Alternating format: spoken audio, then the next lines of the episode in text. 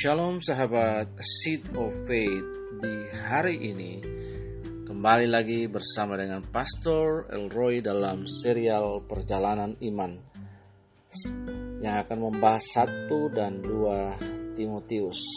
Nah sahabat yang diberkati oleh Tuhan Yesus pembacaan kita hari ini terambil dari 1 Timotius pasal yang pertama ayat yang ke-8 sampai ayat yang ke-11. Tapi mari sebelumnya kita berdoa sehingga pembacaan kita dan pendalaman Alkitab ini dapat menolong kita untuk memahami kebenaran ini di bawah ilham Roh Kudus. Anda dapat mencari tempat duduk yang nyaman bagi Anda, kemudian bisa mengambil catatan dan bisa membuat catatan-catatan kecil dari pendalaman Alkitab seri perjalanan iman bersama dengan Pastor Leroy pada hari ini. Nah, mari sahabat tunduk kepala dan kita berdoa. Bapak kami bersyukur di hari ini pendalaman iman kami hari ini terambil dari 1 Timotius pasal 1 ayat 8 sampai yang ke-11 Tuhan. Kami memohon Roh Kudus sebagai sang iluminator untuk mengilhami kami memberikan pengertian dan makna rohani dari pembacaan yang kami baca sehingga genaplah Roma 10 ayat 17 bahwa iman timbul oleh pendengaran dan pendengaran akan firman Kristus. Di dalam nama Yesus kami sudah berdoa. Haleluya. Amin. Nah sahabat mari kita melakukan pembacaan kita dari 1 Timotius pasal 1 ayat yang ke-8 sampai yang ke-11 demikian firman Tuhan.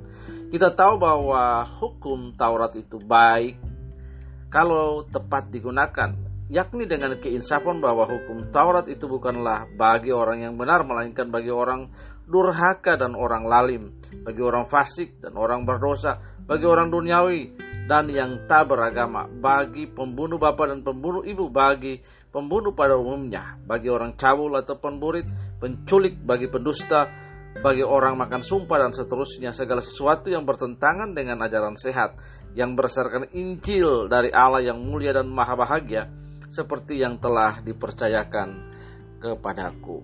Sahabat Sid of Faith yang dirahmati oleh kasih karunia, kita tidak tahu dengan pasti pengajaran dari para pengajar palsu di Efesus. Namun dari tulisan Paulus ini, kita dapat menduga bahwa pengajaran mereka ada kaitannya dengan hukum Taurat dari perjanjian lama. Mereka mengangkat diri sebagai pengajar hukum Taurat. Ayat yang ketujuh, Kemungkinan mereka menyimpangkan Injil ajaran sehat ayat yang ke-10 dengan mengajarkan iman Kristen yang legalistik, menyatakan bahwa manusia diselamatkan lewat ketaatan pada praktik keagamaan. Mereka mengajarkan agama yang didasarkan pada kedagingan dengan keselamatan yang diperoleh seorang lewat usahanya sendiri dan yang akhirnya memuliakan diri sendiri. Sahabat seed of faith bin iman di hari ini di setiap zaman dalam sejarah gereja, iman Kristen yang legalistik seperti itu selalu muncul dan pastinya menjauhkan orang-orang dari Injil, dari Allah yang mulia itu.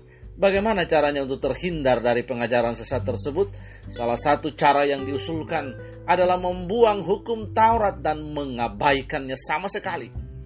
Sahabat, jika demikian, kita akan sampai pada kesimpulan bahwa kasih karunia itu baik, hukum Taurat itu buruk. Kita pun memakai slogan dari gerakan reformasi, semua hanya karena anugerah dan menolak sama sekali peran hukum Taurat di dalam kehidupan Kristen. Tetapi seorang reformator agung bernama John Calvin tidak sependapat. Calvin menyatakan bahwa hukum Alkitab hukum Taurat memiliki tiga tujuan. Pertama, hukum Taurat menjadi cermin yang menunjukkan karakter Allah sekaligus keberdosaan diri kita sebagai manusia. Kedua, hukum Taurat berperan untuk mencegah kejahatan di tengah-tengah masyarakat. Kita dapat membayangkan sahabat seat of faith di hari ini. Bila kekacauan yang akan terjadi apabila tak ada kesadaran akan hukum ilahi, bayangkan bagaimana chaosnya bumi dan dunia ini. Ketiga, hukum Taurat menunjukkan apa yang berkenan kepada Allah dan untuk menuntun segala perilaku kita. Sahabat seed of faith yang dirahmati oleh kasih karunia, ketiga tujuan itu dapat ditemukan di bagian ini. Hukum Taurat ditujukan bagi para pelanggar hukum, para penjahat.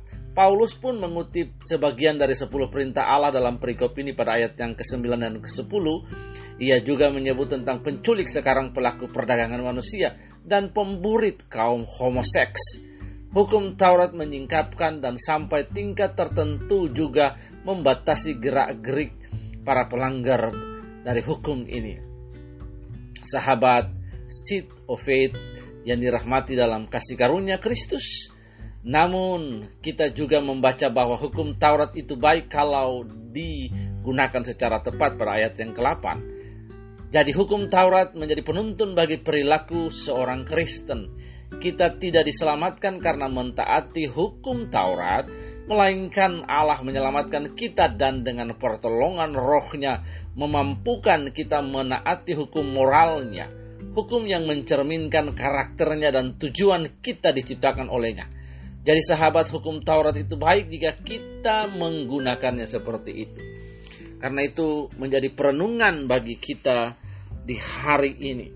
Yang pertama, Apakah kasih karunia Allah dan hukum Allah itu terpisah dan tidak saling terkait? Sebutkan alasan dan jawaban kita. Yang kedua, bagaimana hukum Taurat telah disalahartikan, disalahgunakan atau sebaliknya digunakan dengan tepat oleh orang Kristen selama ini? Tuliskanlah secara singkat pengalaman-pengalaman Anda dalam menggunakan hukum Allah.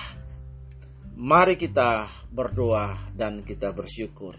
Tuhan Yesus kami bersyukur sekali atas segala sesuatu yang telah engkau kerjakan terlebih keselamatan bahwa di dalam iman yang percaya kepada engkau seperti firman dalam Efesus pasal 2 ayat 8 dan 9 bahwa oleh iman kami percaya kami diselamatkan. Karena itu Tuhan kami tidak butuh hal yang lain hanya beriman kepada pribadimu, kepada dirimu yang adalah Mesias anak Allah yang hidup. Maka kami Tuhan diselamatkan kami percaya bahwa Roh Kudus memampukan kita untuk mentaati hukum moralnya, hukum yang mencerminkan karakter dan tujuan kita diciptakan olehmu. Untuk itu kami bersyukur di dalam nama Tuhan Yesus Engkau kiranya memberkati rumah tangga, pelayanan dan pekerjaan semua para sahabat yang ada di Seat of Faith. Kami berdoa dan kami bersyukur di dalam nama Tuhan Yesus Kristus. Haleluya, haleluya. Amin. Nah sahabat Seed of Faith, sampai jumpa pada program berikutnya. Tuhan Yesus memberkati kita semua. Haleluya, haleluya. Amin.